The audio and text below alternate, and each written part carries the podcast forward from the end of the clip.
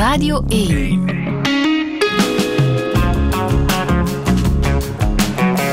Douche. Met Friede Lesage.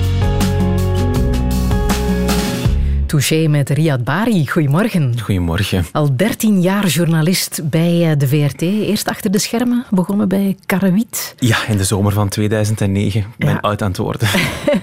En daarna eh, opgegroeid, hè? Ja, bij, eh, ja, ja, bij het is Zaken, snel het journaal. ja. En ondertussen bijna niet meer van het scherm weg te slaan. Het hangt af welk scherm. Ja, zie jij dat zo?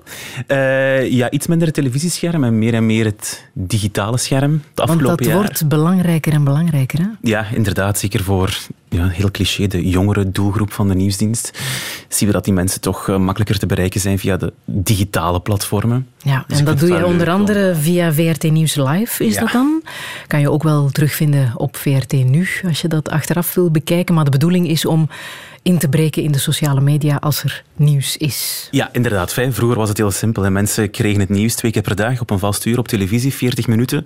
Maar eh, mensen zijn gulzig geworden en willen het nieuws wanneer het nieuws gebeurt. Hè. Dus eh, radio is altijd een heel snel medium geweest. En nu willen we dat ook met beeld kunnen doen. Dus is zo dat digitale project wel heel fijn om te doen. Ja, en zoiets moeten ze jou geen twee keer vragen, denk ik. Aan mij moeten ze hier meestal niks twee keer vragen. Bijvoorbeeld expert worden eh, in luchtvaart, moesten ze dat ook geen twee keer vragen? Nee, dat heb ik hier dat heb ik, ze zelf, eh, dat heb ik mezelf in eh, opgevrongen. Dat dacht ik, want dat was er toch nog niet, hè? Eh, nee, nee, nee. En het is gewoon, ja, ik heb van je passie je beroep maken. Aha. Ik ben al sinds ik kan wandelen, denk ik, lopen, zot van vliegtuigen. En, ondertussen piloot in opleiding? Ja, ik dacht, als ik het kan, als ik alle stakingen op Zaventem kan doen, kan ik hier even af en toe een vliegtuig pakken en zelf een toertje gaan doen. Hè. En hoe ver staat het daar ondertussen mee met de ik opleiding? hoop in de loop van dit jaar dat eh, definitief eh, af te ronden. Corona heeft wat roet in het eten gegooid. Alle lessen lagen stil, dus dat heeft toch ja, anderhalf jaar. Want hoe zwaar is die opleiding? Wat houdt het in? Dat valt eigenlijk best mee. Vliegen is niet zo moeilijk. Eh, het is gewoon heel veel dingen die je tegelijk moet doen als je alleen in die cockpit zit. En ja, de leerstof is gewoon ja, heel veel in één keer. Je moet al die examens op één dag afleggen en je moet overal 75 op 100 halen. Eh, dus het is gewoon dat. Het is veel in één keer. En ja, Maar als je dat brevet hebt, moet je vooral ook vliegen, denk ik. Hè? ja, om de, je moet eh, binnen de 90 dagen telkens drie keer opstijgen en landen om, ja, om te mogen blijven vliegen. En hoe ga je dat doen? Door gewoon eh, dat te doen. En dan naar Grimbergen, dat is gelukkig niet ver van Brussel, waar ik woon. In wat voor vliegtuig? Dat is een, een Cessnetje, een, eh, een sportvliegtuig voor goed vier personen. Ja? En mag er al iemand mee? Eh, mijn instructeur mag voorlopig nog mee. hè. En ik mag alleen vliegen.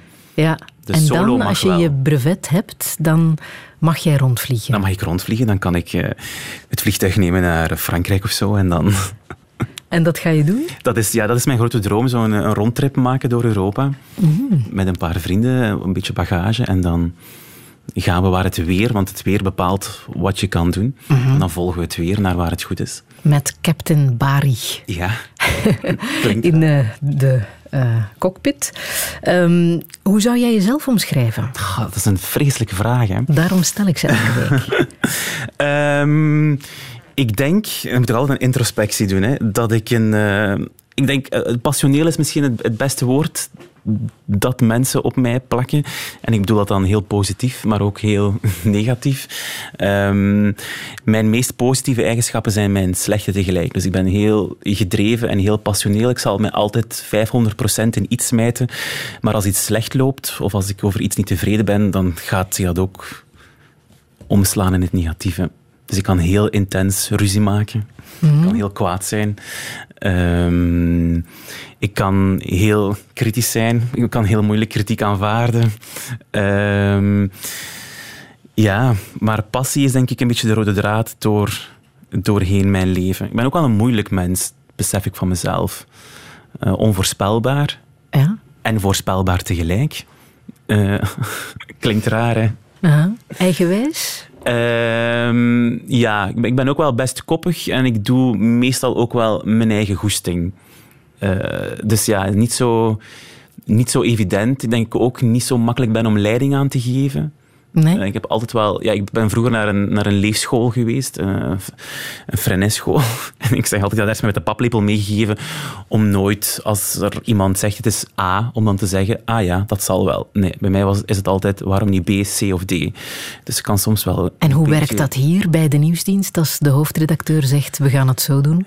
Wat zegt Riyad dan? Wel, Ik heb geleerd met ouder worden, om als ik er dan toch het mijne van denk, om op een beredeneerde manier de ander te overtuigen waarom ik toch denk dat het B moet zijn. En wordt er dan geluisterd? Niet altijd, want ik heb ook, ik heb ook vaak ongelijk. En ik leer om dat stilaan wat meer toe te geven. Ja. Mag ik ook eh, de term ijdeltuit gebruiken? Ik mag dat, want je gebruikt ze zelf op jouw Instagram. Eh, Ja, ja, ja, ja, ja.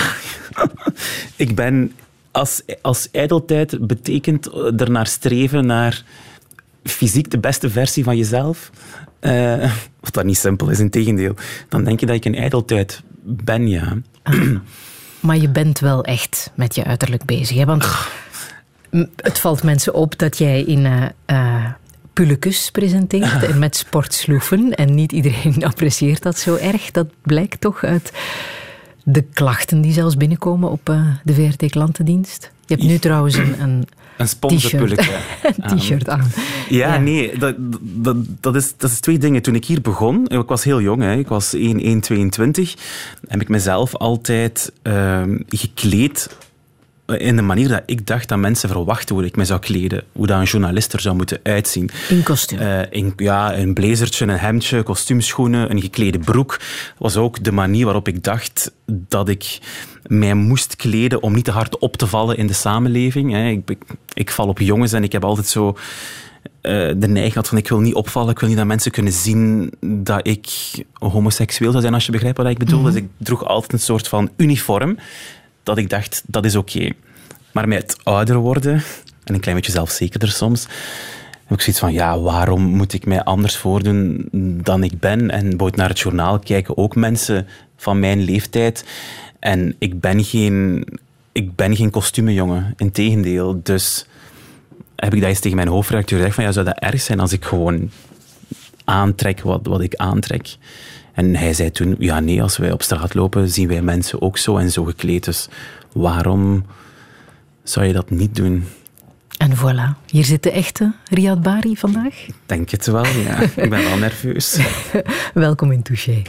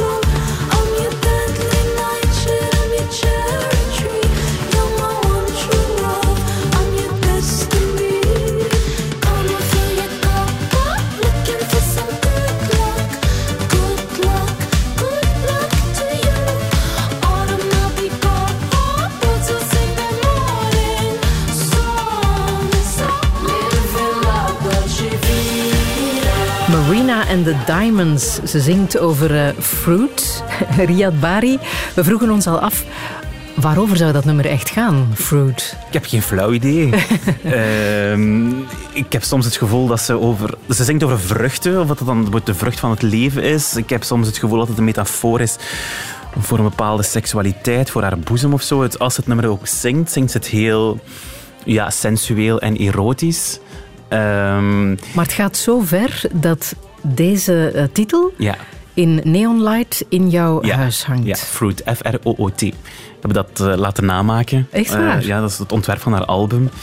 Ja, ik ben er echt wild van, van Marina. Ik, dat is ook, als ik ga sporten, dan staat een uur lang alleen maar continu Marina op in mijn hoofd.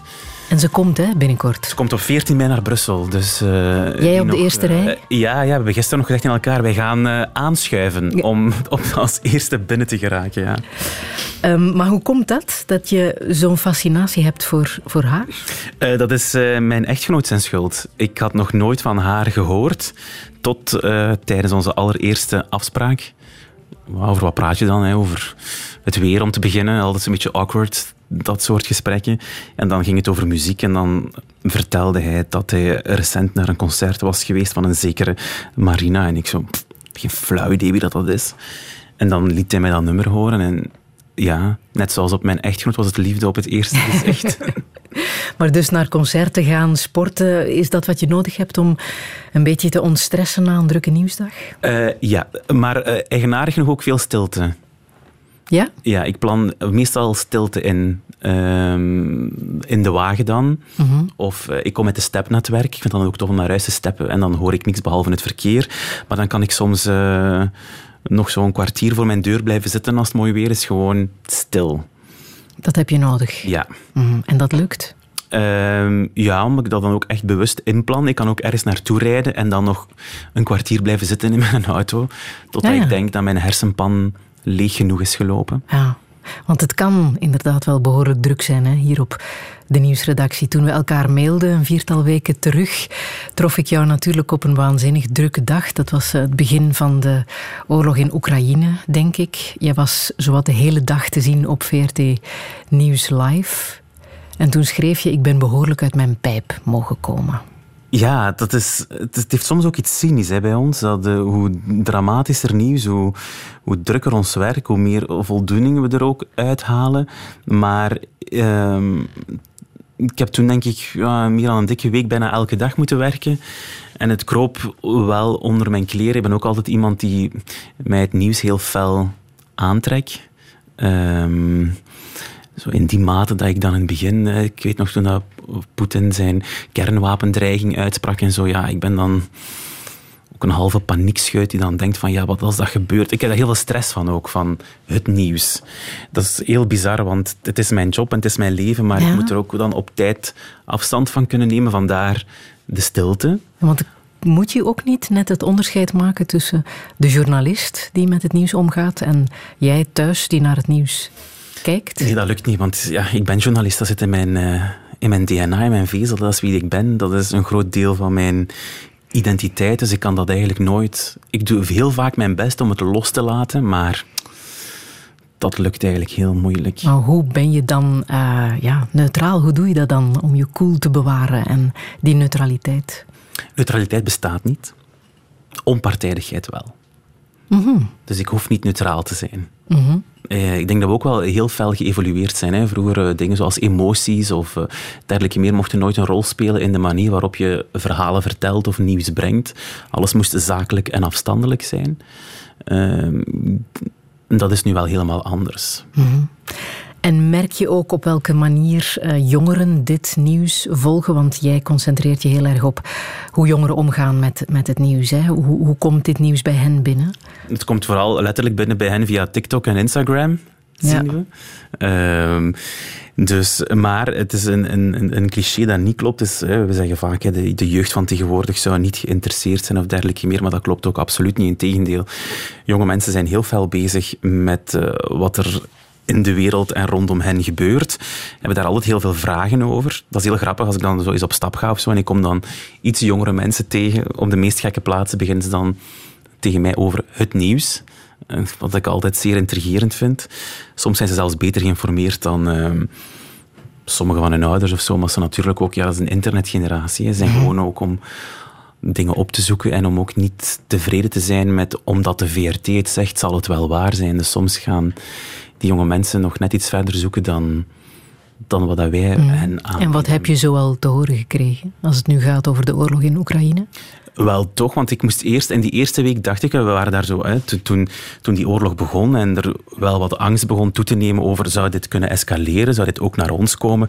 En dan weet ik dat sommige collega's wel iets hadden van, "Ah, we gaan het toch ernstig blijven, hè. er gaat hier geen atoombom worden eh, afgeschoten en dergelijke meer, maar ik had iets van, ja, als dat legitieme vragen zijn van, van mensen, ik bedoel, moeten we die vraag ook gewoon ernstig durven stellen.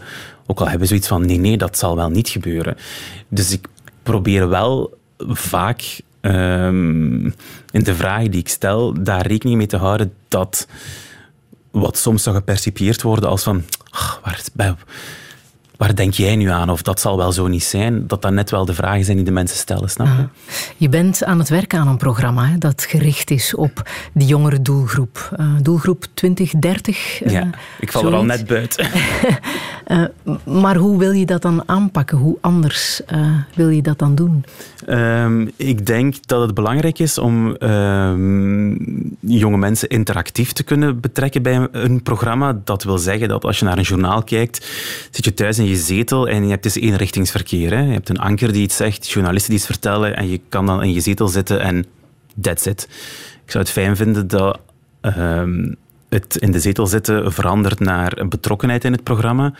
Dat je kan deelnemen aan het gesprek, letterlijk. Dat je je eigen vragen kan stellen waarmee je zit. Dat je in dialoog kan gaan met mensen die eh, onderwerp zijn van het nieuws. En vooral ook met mensen die een andere mening hebben.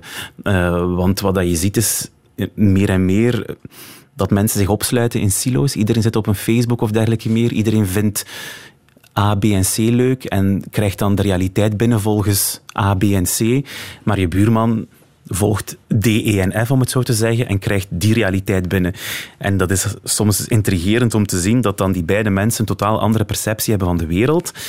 En het meest gevaarlijke is, als je die dan te lang niet samenbrengt voor een gesprek, dan kunnen die met elkaar niet meer spreken.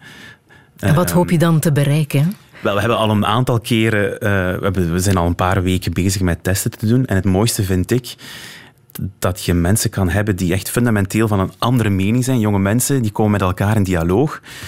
Ehm, en daar ontstaat wel iets. Chemie tussen die, tussen die twee. Ik zal niet zeggen dat ze op het eind van de uitzending hun mening 100 graden gedraaid hebben. Maar er is wel op een respectvolle manier met elkaar in dialoog gegaan over, over het nieuws, de actualiteit, over onderwerpen die maatschappelijk belangrijk zijn. En dat vind ik wel, dat gaf mij dan wel een groot gevoel van voldoening. En wanneer hoop je met dat programma te kunnen starten? Binnen een paar weken.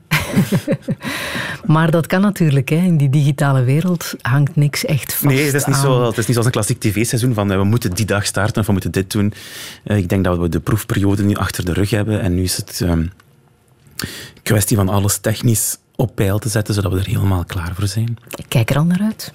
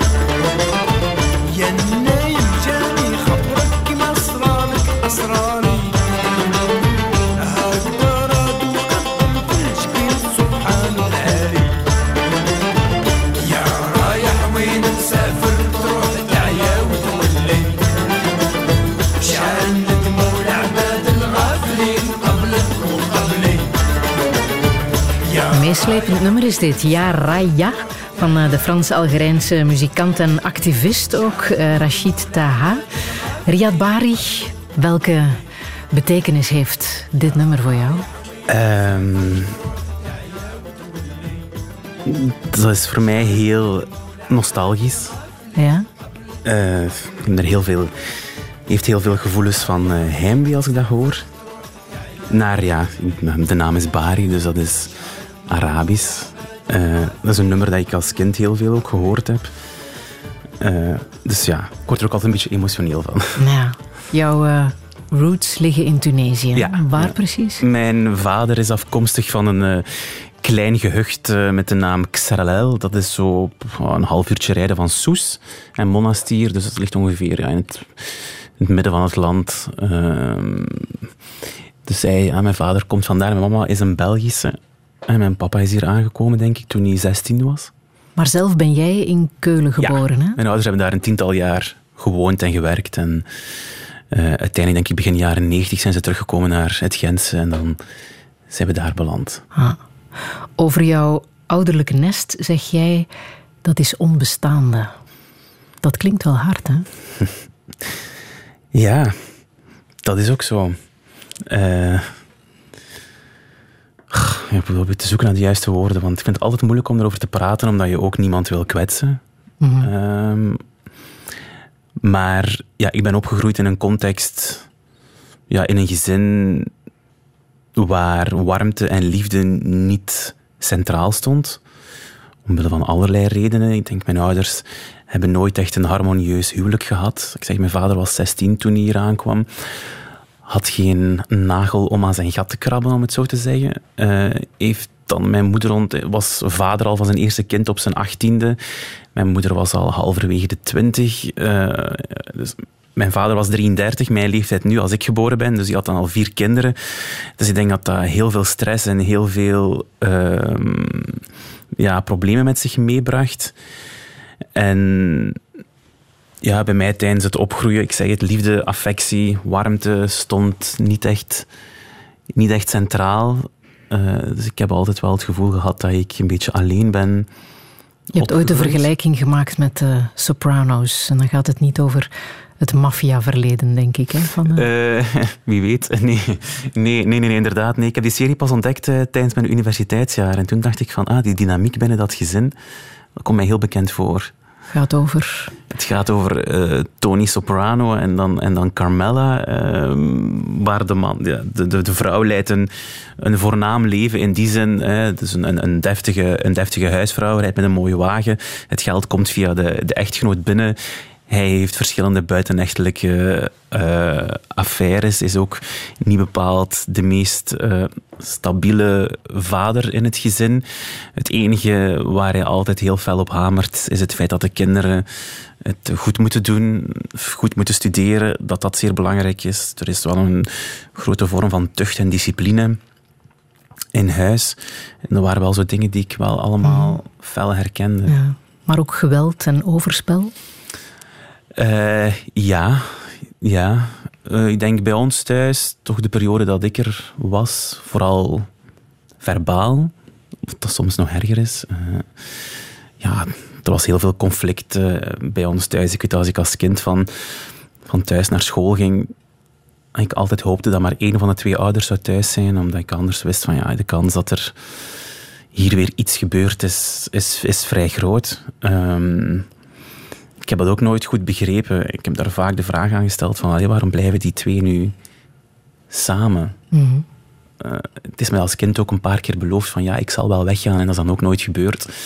Ehm, dus ja, dat was heel stresserend. Eh, ik ben ooit in therapie geweest en mijn psycholoog zei toen, eh, als ze mij hoorde, zei je bent eigenlijk opgegroeid, als ik het in een metafoor wil gieten, in een brandend huis. Een huis dat eigenlijk continu in brand stond. En waar je dan wou uit ontsnappen, maar dat ging niet, want ja, je bent een kind, dus je kunt niet weglopen. Ik heb dat wel twee, drie keer letterlijk gedaan. Eh, maar dan toch altijd naar huis gekomen. Eh, Jouw vader is gestorven, hè? net voor kerst vorig jaar. ja. Hoe was dat voor jou? Ehm, ik had altijd gez- gezegd dat als mijn vader zou sterven, dat mij dat niks zou doen. Omdat wij een moeilijke relatie hadden. Maar dat is niet waar, natuurlijk. nee, ik had mij voorgenomen van niet te janken op de radio vandaag. Eh, maar het is, ja, het was een van de meest verschrikkelijke dingen dat ik heb meegemaakt. Ja. En hoe dan? Omdat er geen... eh, ja, er is geen tweede kans. En dat is eh, lastig en hard om, om mee om te gaan. Ik... eh, mijn vader en ik zijn... Ja, onze wegen zijn van elkaar gescheiden. Ik denk, wanneer? Een jaar of misschien een kleine tien jaar geleden of zo. Het moment dat ik besloten heb om uit de kast te komen, wist ik dat dat voor hem, of ik dacht dat dat voor hem om, ja, onaanvaardbaar ging zijn. En toen heb ik zelf het contact verbroken. En hij had dan vrij snel door waarom.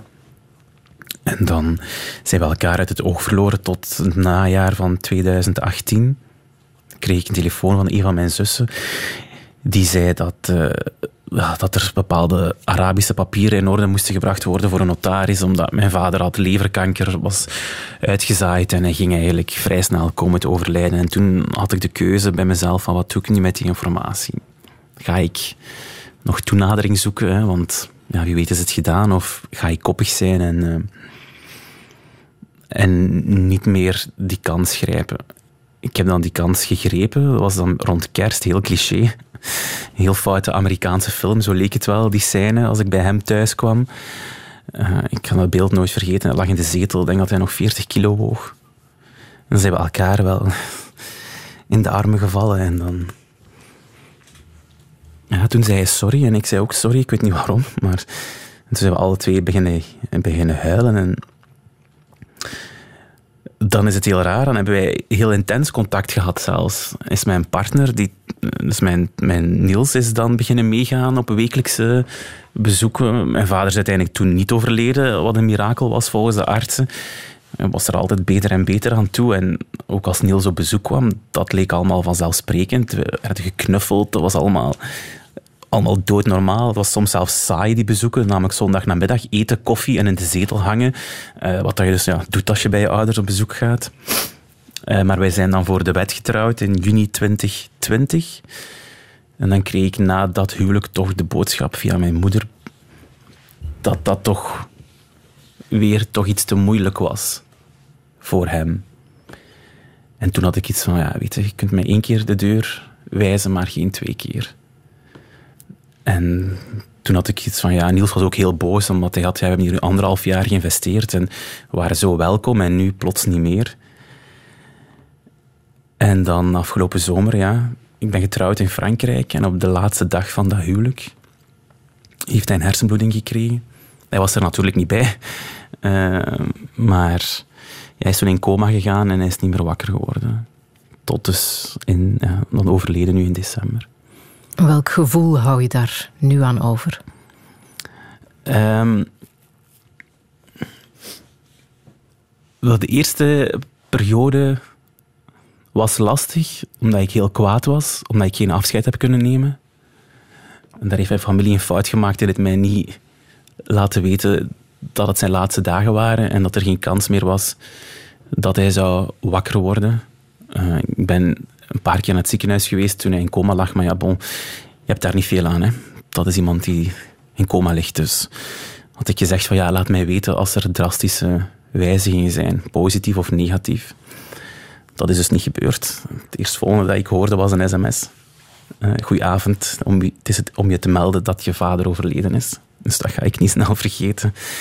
Ehm, dus dat was voor mij heel, heel lastig. En een van de weinige voordelen dan, denk ik, van in de media te werken, is dat als je daar iets over post, dat dat dan wordt opgepikt door kranten. En dat er dan mensen zijn die je spontaan beginnen te contacteren. Mensen die met je vader eh, bevriend waren, mensen die hem verzorgd hebben in het ziekenhuis, maatschappelijke werkers die hem kenden. Ehm, die begonnen me allemaal eh, berichten te sturen. En eh, ja, die mensen hebben een aantal dingen gezegd die wel geholpen hebben nu om het te plaatsen. Zoals? Wel, er was één. Ik heb het, het is een bericht dat ik altijd op zak heb. Eh, haar naam is Nele, dat is een maatschappelijk eh, assistente die mijn vader bijstond bij zijn revalidatie en zo. En, eh, zij heeft mijn papa nog gesproken, ik denk een week voor hij in coma is gegaan. Dan had ze een gesprek met hem, over mij toevallig. En toen hij overleden is, heeft ze mij een bericht gestuurd met een verslag van dat gesprek. Omdat ze vond dat ik dat moest weten. En ze zei toen dat hij... Hij ze schreef toen, ik zag echt een enorme tweestrijd. Hij was vol liefde met blinkende ogen aan het vertellen over jou. Hij zag je graag zoals een vader zijn kind graag ziet. Hij sprak ook over hoe moeilijk het was tussen jullie, over de breuk, het herstel hiervan en dan de nieuwe breuk. Zonder te willen veroordelen of oordelen, het probleem lag hierbij niet in zijn liefde voor jou of wat hij er zelf van dacht. Ik hoop dat ik de belangrijkste vraag kan beantwoorden. Ja, hij hield van jou en hij was enorm trots. Je had zijn zegen, ook al heeft hij dit nooit uitgesproken. En had hij het geweten, dan had hij het ook allemaal anders gedaan. Maar de tijd was jullie niet gegund. Wees niet te hard voor jezelf, dat zou hij ook niet gewild hebben. Een waardevol bericht. Ja, omdat dat ene woord zegen is. Ja, dat is denk ik de belangrijkste boodschap die hij mij ooit gegeven heeft. Want uiteindelijk is een kind, denk hoe moeilijk de relatie met ouders soms is, altijd wel op zoek naar validatie van zijn ouders. En ik heb ook ontdekt met de dood van mijn vader dat het hallucinant is hoe hard dat die letterlijk en figuurlijk in uw DNA zit. Ik heb dagenlang in de spiegel zitten kijken naar mijn ogen, naar mijn gezicht, naar mijn haar. Om dat, wat iedereen altijd zegt, ja, ik zie mijn, mijn vader continu in mezelf. Ik, als ik zeg dat ik een passioneel, temperamentvol, moeilijk en irritant mens ben, dan is dat omdat ik het product ben van mijn vader. En dat was een van de moeilijkere dingen nu mij ouder word, is dat ik vaak zei eh, dat ik meer en meer op hem lijk. En dat was altijd confronterend, omdat die relatie zo, zo moeilijk was. En het enige dat ik ooit wou, was dat hij zei dat het oké was. En hij heeft dat nooit letterlijk... We hebben nooit gesproken over het feit dat ik op jongens val. Nooit. Zelfs niet in die anderhalf jaar dat we goed contact hadden. Dat bleef altijd een onderwerp dat voor hem veel te moeilijk was. Dus om dan te horen dat het tegen iemand gezegd heeft dat ik toch zijn zegen had op dat vlak, ja. Dat helpt, heb ik gezegd, op lange termijn om te plaatsen. Maar ik zal mij altijd blijven afvragen waarom dat hij of ik niet een telefoon hebben genomen. Om te zeggen van, hé, hey, onnozelaar, wat is uw probleem eigenlijk? Je hebt hem vereeuwigd in een tattoo, hè? Ja, Waarom heb je dat gedaan? Omdat ik het ritueel... Ik heb zijn Arabische handtekening heb ik laten tatoeëren. Een paar weken geleden. Omdat ik het ritueel en de, de, de pijn die eventueel bij, bij de activiteit van de tatoeage zou komen, wou ervaren als een soort van... Ik ben ook een beetje een drama queen soms zo. Als een soort van catharsis. Zo van, hij wordt letterlijk in mijn lijf eh, Gebrand. gebrand voor de rest van mijn leven. Ehm, omdat het volgens mij ook een conversation starter kan zijn. Ik ben altijd van de overtuiging dat zolang je over mensen praat, ze inderdaad niet echt dood zijn. En ze is niet extreem zichtbaar, maar als ik in de zomer zal rondlopen, zullen mensen dat zien. En dat is dan voor mij altijd de manier om over mijn vader te praten. En het was ook gewoon een heel sierlijke Arabische handtekening. Ehm, ik- dus ze staat nu voor de rest van mijn leven op mijn linkerborst.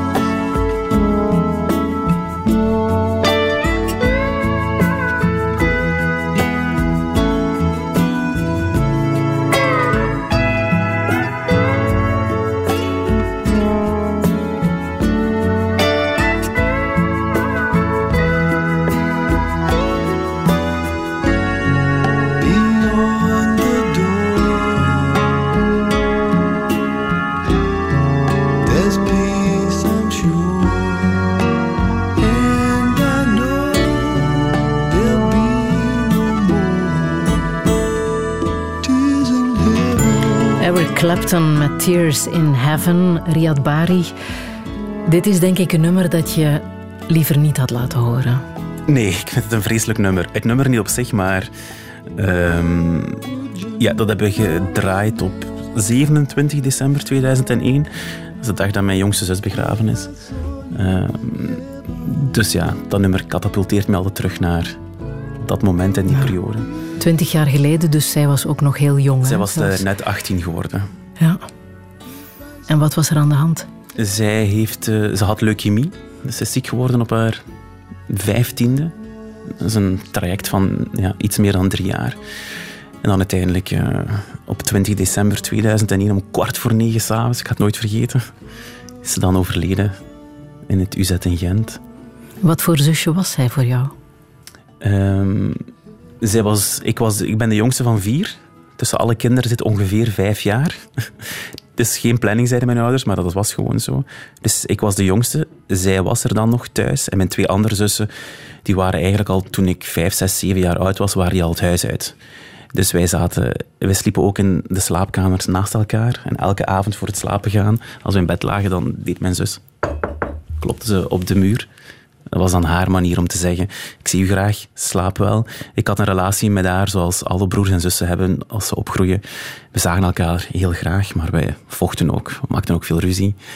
Ehm, Maar zij 18 en jij ik was toen, 13. eh, ja, ik zat in het tweede middelbaar als het gebeurd is. Ja, dan hoor je geen zusje te verliezen natuurlijk. Hè. Nee, absoluut niet. En ehm, ik, heb, ik stond ook alleen. Ik bedoel, mijn ouders, hè, ik heb daar net al verteld, hebben nu niet bepaald uit het meest harmonieuze eh, nest kwamen. Die zijn elk hun eigen weg gegaan met die gebeurtenis. En dus zat ik daar inderdaad als dertienjarige snotaap die niet wist wat of hoe of ehm, wat daarmee aan te vangen. Daar werd ook niet over gesproken. Over dat overlijden thuis. Ehm, dus ja, dat is ook pas iets dat ik op latere leeftijd heb kunnen plaatsen. En hoe heb je dat dan gedaan? Hoe probeerde je dat te verwerken, dat verdriet van toen? Wel, het is eigenlijk heel dubbel, maar ik ben daar nu denk ik, zelden nog verdrietig om. We zijn ook twintig jaar later. Maar het is een gebeurtenis, denk ik, die de rest van mijn persoonlijkheid en de rest van mijn leven gevormd heeft. Ehm, in de- op twee manieren. Ik heb ten eerste soms, em, sommige mensen gaan dat niet begrijpen, zeker mensen niet die iemand eh, net verloren hebben, want dat is doodnormaal, maar ik heb soms heimwee naar die periode. Eh, want naar het moment zelf ook. Ik herinner mij, ik zat daar aan dat ziekenhuisbed. Mijn ouders zaten naast mij, mijn andere zus, mijn zus, haar vrienden waren daar. Eh, ik, was, ik had nooit vergeten, ik was warme chocomelk aan het drinken. De eerste sneeuw viel toen buiten. Ehm, en dat had iets heel ja, sacraal of zo. Dat is een heel raar woord, maar dat moment dat zij daar lag en ze waren medicatie aan het afbouwen, dus we wisten, zij zal een van de komende uren komen te sterven. En dan geleidelijk aan zien hoe dat ja, haar leven plaats maakte voor, ik weet niet wat, het, het oneindige, dat had iets heel moois. Als je snapt wat ik probeer te zeggen. Ehm, en ik zat, daar heel, ik zat daar op dat moment ook bij haar, maar ik had ook het gevoel dat ik daar alleen zat. En ik besef nu dat het jongetje dat daar zat, de, de, de Ria die daar zat, die 13-jarige jongen, is ook in die kamer achtergebleven. En er is een andere jongen buiten gestapt. Want die gebeurtenis heeft bepaald wat er voor de rest tot nu toe allemaal gebeurd is. Dat is misschien mijn manier om zin te geven aan het meest zinloze, namelijk de dood van een 18-jarig persoon.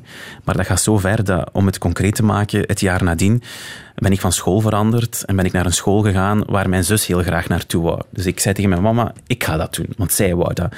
Maar ja, ik ben van school veranderd, dus ik heb daar andere vrienden leren kennen. Ik heb daar een leerkracht geschiedenis eh, gehad die mij gemotiveerd heeft, eh, omdat ik geboeid was door actualiteit, om richting journalistiek te gaan.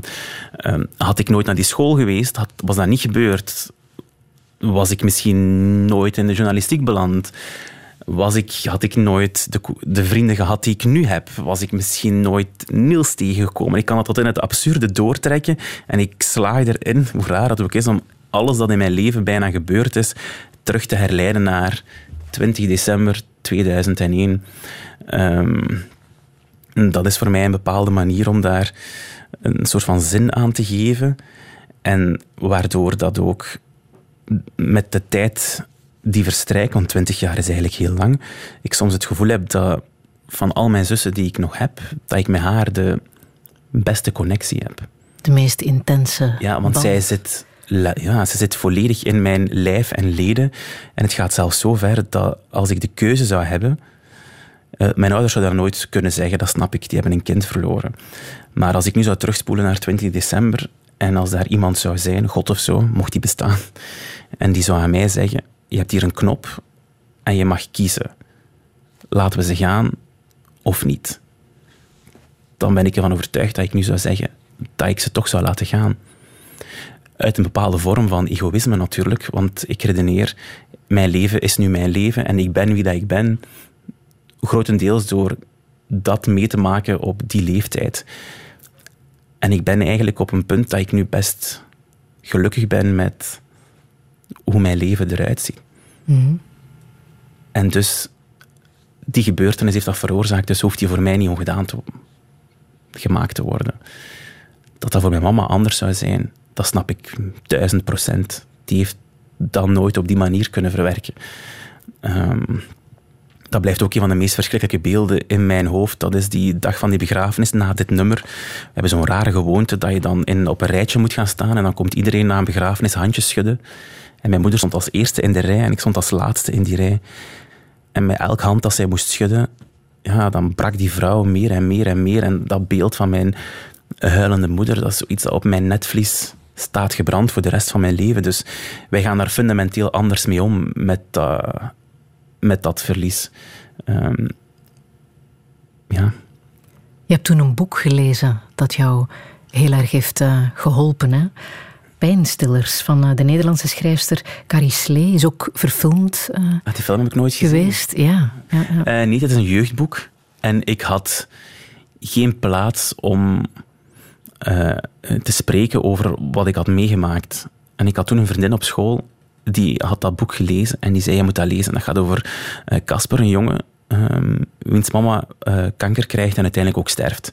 En dat is eigenlijk dat verhaal van hoe hij daarmee omgaat tijdens dat opgroeien. En ik heb dat boek toen gelezen en ik, ja, voor mij was dat een beetje een openbaring, omdat ik voelde mij niet alleen. Er was een andere jongen die ik niet kende, maar die dan wel bestond in mijn hoofd, die hetzelfde had meegemaakt als ik. Ehm, en dat was voor mij belangrijk, want ja, ik kon daar met niemand over praten. Ik ging dan soms naar de slaapkamer van mijn zus om op haar bed te gaan liggen en dan tegen het plafond te praten. En ik die nog elke avond kloppen op de muur om te zeggen slaap wel. Maar ik, ja, ik zat daar heel hard gevrongen mee met dat, met dat verdriet. En dat boek heeft daar wel, was wel een mooie eh, pleister op die wonden. Say you go, boy, you got place, my love. I say I don't mind, but that's a lie, you know. I'd rather take the boat, kiss you on the water, upon the water, through the water.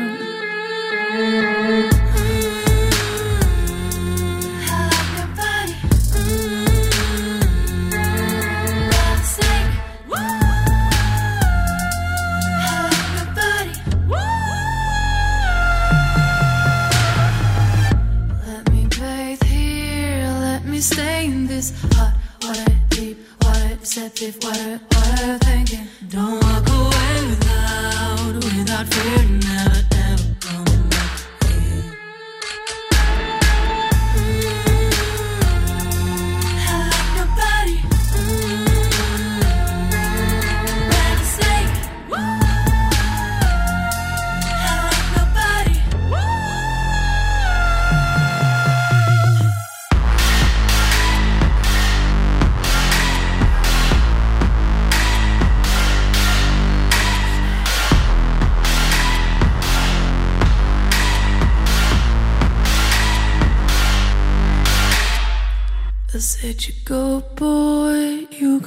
Go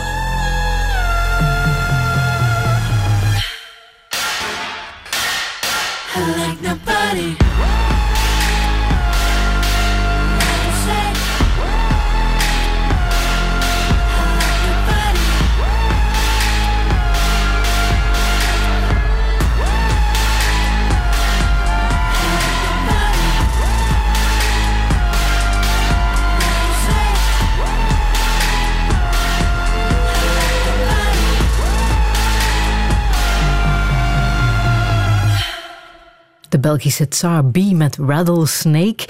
Dat zijn eh, Justine Borgeus en eh, haar celliste Trui Amerlink. Ze hebben een bijzonder optreden gegeven afgelopen week in eh, de Minaar in Gent. Riyad Bari, heb je dat gezien? Ik heb haar in de AB nog gezien, vlak voor de hoeveelste lockdown, weet ik al niet meer, maar is vorig jaar. Maar wij kennen elkaar sinds begin jaren 2000. Ehm, het haakt eigenlijk in op het verhaal dat ik daarnet vertelde. De mama van Justine, Isabel, was een vrijwilligster bij de Vlaamse Liga tegen Kanker. En die kwam knutselen in het ziekenhuis bij mijn zus. Ehm, dus ik heb die toen leren kennen als 13-jarige snotneus. was een hele warme vrouw. En na de dood van mijn zus heeft hij zich altijd wel een beetje ontfermd over mij. En ik zeg altijd, je hebt familie, die kan je niet kiezen. Heb je geluk mee of ongeluk. En dan heb je gekozen familie, die kies je zelf. En daar kan je heel veel geluk mee hebben. En Tsarbi, of eh, Justine, en haar familie is mijn gekozen familie. Ze hebben ook mijn huwelijk georganiseerd afgelopen zomer. En elk excuus om Tsarbi te draaien op Radio 1. Dit was er eentje. excuus. Ja, want het moest er absoluut nog bij. Ja. Ja. Ja. Maar kunst, muziek, zijn dat ook dingen die troostend werken bij jou? Ehm, ja, ik, dat is wel pas iets dat nu aan het komen is met ouder worden. Ik bedoel, eh, kunst bij mij vooral in de betekenis van schoonheid. Ik leer met ouder worden mooie dingen appreciëren. Ehm, en dat gaat dan over heel tastbare dingen, mooie meubelstukken. Eh, daarover nadenken, investeren in dat soort dingen. Maar evengoed in, in, in, in schilderkunst, in beeldende kunst. Ik ben geen expert. Ik ben nooit iemand geweest die tien titels kan opsommen en heel veel theorieën kan verkopen over dat prachtig werk van eh, Da Vinci of dergelijke meer. Ik ben, zoals eigenlijk alles in mijn leven, een jongen van het buikgevoel. Ik vind iets mooi of ik vind iets niet mooi. Eh, en dat is een beetje mijn rode draad. En dat is zowel bij muziek. Muziek is heel troostend. Ik luister ja, natuurlijk de voorbije twee maanden veel naar Arabische tunes, zoals we daar straks eentje gespeeld hebben. Dan doe ik mijn ogen dicht, zoals deze week in de keuken, en dan sta ik te dansen, zoals ik vroeger stond te dansen op de trouwfeesten in Tunesië. En dat geeft dan wel heel veel troost. Maar er hangt geen Tim Burton meer in Nee. eh, jouw huis, hè? want die heb je verkocht in stukken van mensen. Ja. Dat is ook wel de bedoeling om te kopen en te verkopen en een Ja, beetje zijn- collectioneur te worden? We zijn, ja, in, in die zin, ik, ik, ik, eh, het, het, gaat, het, het vertrekt weer van schoonheid. Eh, ik vind het heel leuk om mooie dingen eh, in huis te hebben. We zijn nu aan het jagen op iets van Ivan Franco, maak ik ook er graag reclame voor. Dat is een jonge Spaanse kunstenaar. Moet je maar eens opzoeken, die hyperrealisme met potlood tekeningen maakt, maar het lijken bijna Polaroid-foto's. Je kan het verschil niet zien. Dus zij willen heel graag een Ivan Franco kopen. Daarom hebben we de Tim Burton weggedaan. Echt om te sparen voor iets anders. Ja, want het is inderdaad met sparen. We zijn, hè, zoals de meeste mensen, de middenklasse. Dus ik kan daar wel een centje voor opzij zetten, maar ik kan daar nu geen tienduizenden euro's aan spenderen. Waar gaat dat eindigen? ik hoop ooit met, wie weet, een, eh, een breugel of zo aan mijn muur. Nee, dat is. We praten zo meteen verder. Radio 1.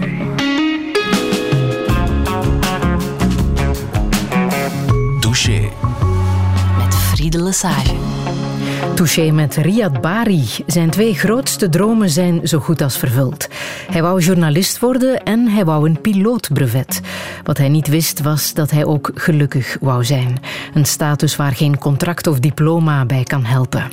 Het verlies van zijn zus, de dood van zijn vader en een stevige depressie leerde hem al heel jong hoe kostbaar het leven is. Maar hoe moet het verder? Hoe herken je de ware liefde? En komt het nog goed tussen hem en Molenbeek? En wat heeft hij met het Hooglied? Dit is Touché met Riyad Bari. Een zeer goedemiddag. Mijn hemelblauw met gouden hallen, mijn wolkentorens, ijskristallen, kometen, manen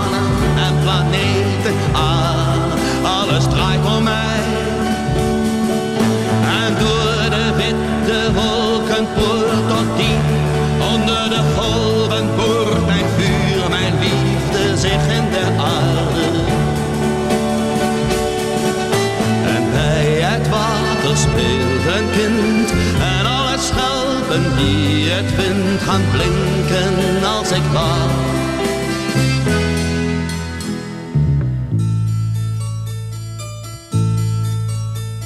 Ik hou van je warmte op mijn gezicht. Ik hou van de koperen kleur van je licht. Ik geef je water in mijn hand en schelpen uit het zoute zand. Ik heb je lief, zo lief.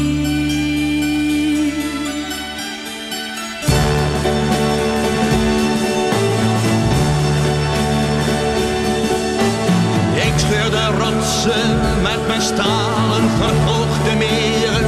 In de dalen en onweersluchten doe ik vluchten aan als de regen valt.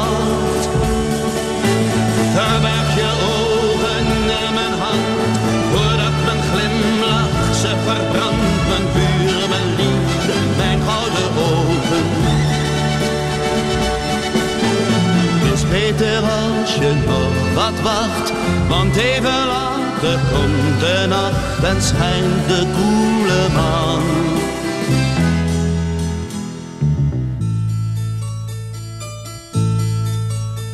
De nacht is te koud, de maan te grijs. Toen neem me toch mee naar je hemelpaleis. Daar wil ik zijn, alleen met jou. En stralen in het hemelblauw. Ik heb je lief, zo lief.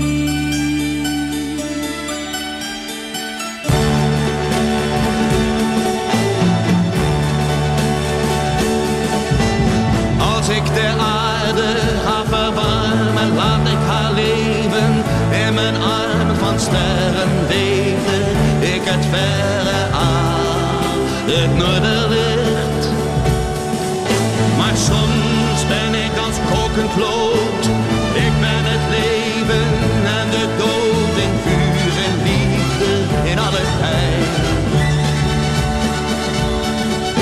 Mijn kind, ik troost je, kijk omhoog. Vandaag span ik mijn regenboog, die is alleen voor jou.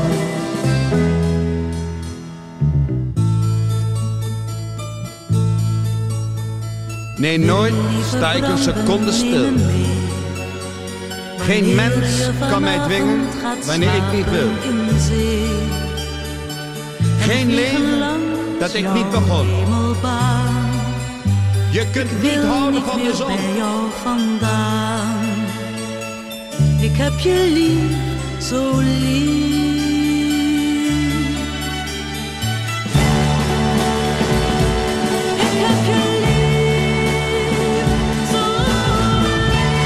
De twee grootheden van het Nederlandse lied, Ramsi Shaffi en eh, Lisbeth List met Pastorale, Riyad Bari. Het is voor jou ook een bijzonder nummer, hè, dit? Ja, ik vind het, het met voorsprong het mooiste lied dat er al ooit gemaakt is in het Nederlands. En eh, vrienden van mij hebben eh, daar dan een versie van gemaakt voor op ons huwelijk afgelopen zomer. Dus ik was daar heel blij. mee. Ja. ja. Weet je waar het over gaat? Nee, maar ik, maar ik, eh, ik interpreteerde het naar mijn eigen manier als een, als een liefdeslied tussen een man en een vrouw. Ik vond hem nogal megalomaan en een klein beetje egocentrisch, omdat hij zingt eh, alles draait om mij. Maar dat was denk ik mijn interpretatie die niet 100% klopt met de realiteit. Hij speelt de zon en zij is het kind dat Maar naar de zon u- kijkt en dankbaar is. Nu je mij dat zegt, dan maakt die tekst eindelijk ook... Snap ik wat er gezegd Ja, wordt. ja, ja. Maar jij kijkt ook graag naar boven natuurlijk, hè? naar de hemel en de natuurelementen. Ja, ik kan mij. Ik, eh, ik heb daar straks al verteld dat ik vaak op zoek ga naar stilte. En dat ik dan gewoon op een bank kan zitten of op, op mijn drempel voor mijn deur om dan eventjes te ontstressen. En ik kijk heel graag naar boven. Ik heb een enorme fascinatie met wolken. Ik sta altijd versteld van hoe wij niet meer stilstaan bij dat soort triviale dingen. En Namelijk, wat zie jij dan als je kijkt naar de wolken? Niks. Ik zie gewoon wolken. Maar ik vind dat iets fascinerend. Ja. Ik vind dat iets moois. Eh, Het is natuurlijk ook omdat ik zelf vlieg, dat ik ze dan af en toe wel eens tegenkom en goed moet weten van welke wolk moet ik nu precies gaan opletten. Ehm, maar ik kan mij... Gisteravond zaten we opnieuw op een drempel te wachten eh, aan het appartement van een vriend die te laat was. Het was half elf s'avonds en we keken naar de maan. En Niels en ik zeiden tegen elkaar, maar eigenlijk, wat is dat? Dat is toch iets bizar? Wij zitten hier daar sta- staat er een gigantische bol. We zitten hier op een planeet. er zijn er nog andere. En ik kan me daar zo blijven over verwonderen van hoe absurd dit eigenlijk allemaal is. Het was En- volle maan, dacht ik. ja, ja, en ze was heel helder. Ehm, en terwijl als we in ons dagelijkse leven rondlopen, staan wij niet, stil bij, niet meer stil bij dat soort vanzelfsprekendheden. Het nieuws is te aanwezig, hè? De feiten van de dag waar jij mee bezig bent. helaas wel, ja. Dat zorgt er soms voor dat je niet meer stilstaat bij ja, dingen zoals schoonheid. Ah, Maar in, integendeel, ik moet vaak stilstaan bij de lelijkheid van wat er op deze planeet gebeurt. En hoe komt het dat je daar toch zo door gefascineerd bent, door het nieuws? Eh, dat is allemaal terug te brengen naar één ding. Ik ben fundamenteel nieuwsgierig. Ik ben altijd nieuwsgierig geweest. Al van kinds af stond ik op de speelplaats en was ik altijd degene die alles wou weten van iedereen. Ehm, en alles is daaraan ontsproten. Een enorme fascinatie voor nieuws en nieuwsgierig en antwoorden willen. En ik was altijd het irritante kind in de klas dat ook nooit genoegen nam met het antwoord van de leerkracht. En dus ik moest altijd meer en meer en meer weten en vragen blijven stellen. En dan is het niet onlogisch dat je op een nieuwsredactie belandt. En keek je ook naar het nieuws? Ja, ik was kind? verslaafd aan het nieuws. Ja? Ik heb zelfs een tijd lang, dat was heel gênant, ik hield Excel-documenten bij, waarin ik opschreef wie het journaal presenteerde om 1 uur, om 6 uur, om 7 uur en het laat. Eh, en ik gaf daar dan punten aan. Het 7 uur journaal was het belangrijkste, was 5 punten. Het late avondjournaal had dan eh 3 punten, 6 uur eh 1 en 1 uur 2.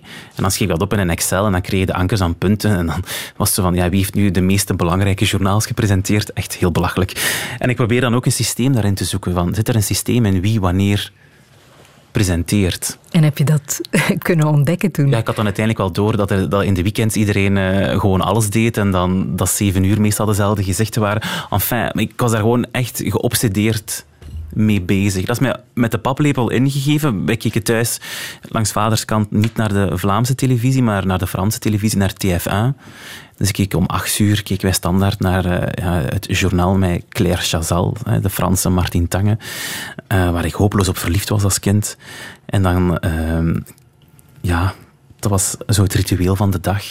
En dacht jij toen al, dat wil ik ook, ik wil nieuwsanker worden, ik wil heb, op die eh, redactie Ik terechtkomen? presenteerde zo in, in, op, in het zesde leerjaar presenteerde ik een jaar lang het krantenjournaal bij ons op de, op de leefschool. Dat was elke maandagochtend. Na het weekend kwam ik toen met een bandopnemertje waar ik de tune van het nieuws had opgenomen en kwam ik voor de groep in kringgesprek het nieuws van het weekend brengen. Dus ja, dat heeft er altijd wel in gezeten. Ja. Nieuwsanker ben je nog niet, zeg ik een beetje voorzichtig. Dat gaat ook niet komen, denk ik. Nee? Ik weet dat niet. Nee, ik denk eh, eh, dat dat misschien niet per se ligt in de lijn van mijn persoonlijkheid. Nee? Mm, ik breng graag wel verhalen of ik vertel wel graag het nieuws aan de mensen, maar ik heb er dan ook altijd veel te veel vragen bij. Dus om, het, om gewoon de, de reportages aan te kondigen, ik weet niet of ik daar voldoende voldoening zou uithalen. Haal je meer voldoening uit eh, de scoop hebben? Dat ook, ja, dat ook. Dat ook. Ik, heb, eh, ik kan daar eh, obsessief mee bezig zijn tot Ja? irritatie van mijn omgeving. En wat, wat is dat dan, als je die binnenhaalt? Ah, ja, nee, ja eh, om het plat te zeggen, no one gives a fuck, maar ik word strontgelukkig. Om het even plat te... En zoals, wat is jouw laatste scoop Eh, geweest? ah, nee, ik, ja, ik, ik, ik volg veel luchtvaartverslaggeving eh, voor de VRT. Ehm, en in dat dossier probeer ik altijd eh, toch de eerste te zijn. Eh, ik vind dat gewoon heel leuk. Dat is een netwerk onderhouden, bronnen onderhouden, zorgen dat mensen u voeden. Ehm, Zorgen dat ze eerst naar jou bellen. Zorgen dat ze naar mij bellen om te zeggen, dit gaat er gebeuren. En dan kan ik zelf zeggen van, oh, maar ja, wacht nog even, of dit of zo. Of, eh, ehm, dus rond Brussels Airlines, die de voorbije jaren wel heel veel zwarte sneeuw hebben gezien, heb ik toch ja, heb ik een aantal scoops gehaald. We waren de eerste die het nieuws rond had over, die, over de staatssteun tijdens de coronacrisis. Daar was ik heel blij mee. Eh, een paar maanden daarvoor is er ook een stakingsperiode geweest bij Brussels Airlines. Ook daar hebben, waren we een paar keer de eerste met allerlei aankondigingen rond dat verhaal. En ja, dat geeft mij gewoon een enorme kick. Ik weet dat de kijker daar eigenlijk niks aan heeft. De, de kijker interesseert dat niet. Dat wij om zeven uur als allereerste iets kunnen zeggen en het pas in de krant stond de dag nadien of omgekeerd, die zijn daar niet mee bezig. Dat begrijp ik ook. Maar het geeft toch een gigantische professionele voldoening. Ja, en dan mag je, of tenminste bij jouw eerste scoop, mag je in de studio gaan zitten. En dat was in jouw geval naast Martin Tange. Hoe was dat? Ehm, ik had, ik weet nog toen heel goed toen ik hier begon, had ik enorme angst. Martien was een icoon van mijn kindertijd. Ik had daar zoveel schrik voor, voor die vrouw. Totaal ongegrond. Ehm, wij klikten heel goed. Ik weet ook nog heel goed toen ik mijn eerste intro's voor haar schreef, dat ik nog altijd dat 50 keer nalas, want ik dacht, hier mag geen taalfout in staan. Bij andere ankers dacht ik van, ja, die halen dat er wel uit. Maar ik wou niet dat Martien mij betrapte op een taalfout. Dus de allereerste keer dat ik bij haar in de studio moest gaan, we hadden heel veel live-interventies gedaan op locatie, maar ik was nog nooit bij haar aan tafel gaan zitten. En dan moet je echt in haar ogen kijken op een halve meter afstand op die camera. Ja, was mijn knik de knieën. Dat ik daar ben binnengewandeld. En hoe ben je daar buiten gewandeld? Ze heeft mij de fiche meegegeven waar ze haar vragen op geschreven had. En ze had erop geschreven. En ik heb dat nog altijd thuis op mijn bureau liggen. Eh, zeer goed gedaan, Riaat. Ik ben trots op jou. Dat is toch wel wat, hè? Ja, dat zijn die mo- kleine momentjes. Het is daar trouwens niet bij gebleven, hè? Nee, nee, nee, nee. Ze heeft, eh, eh, ja, ze heeft mij gigantisch verrast. We zijn de afgelopen zomer, ik heb het daar straks al verteld, getrouwd. En mijn collega's hadden er niets beter op gevonden dan een 25 minuten durend journaal in elkaar te boksen over Niels en mij. Ehm, en dat werd gepresenteerd door Martien, die toen al ja, een half jaar met pensioen was. Die stiekem in de nieuwe studio is gekropen eh, om dat te gaan doen. Speciaal voor jou uit pensioen. Ja, en, En nog één keer het nieuws gepresenteerd. Ja, en ik weet hoe, eh, hoe hard zij eh, worstelde wel met dat pensioen en hoe hard en hoe graag ze haar job deed. Dus om dan dat te krijgen, ja, dat was onbeschrijfelijk. Toen heb ik ook een paar tranen gelaten.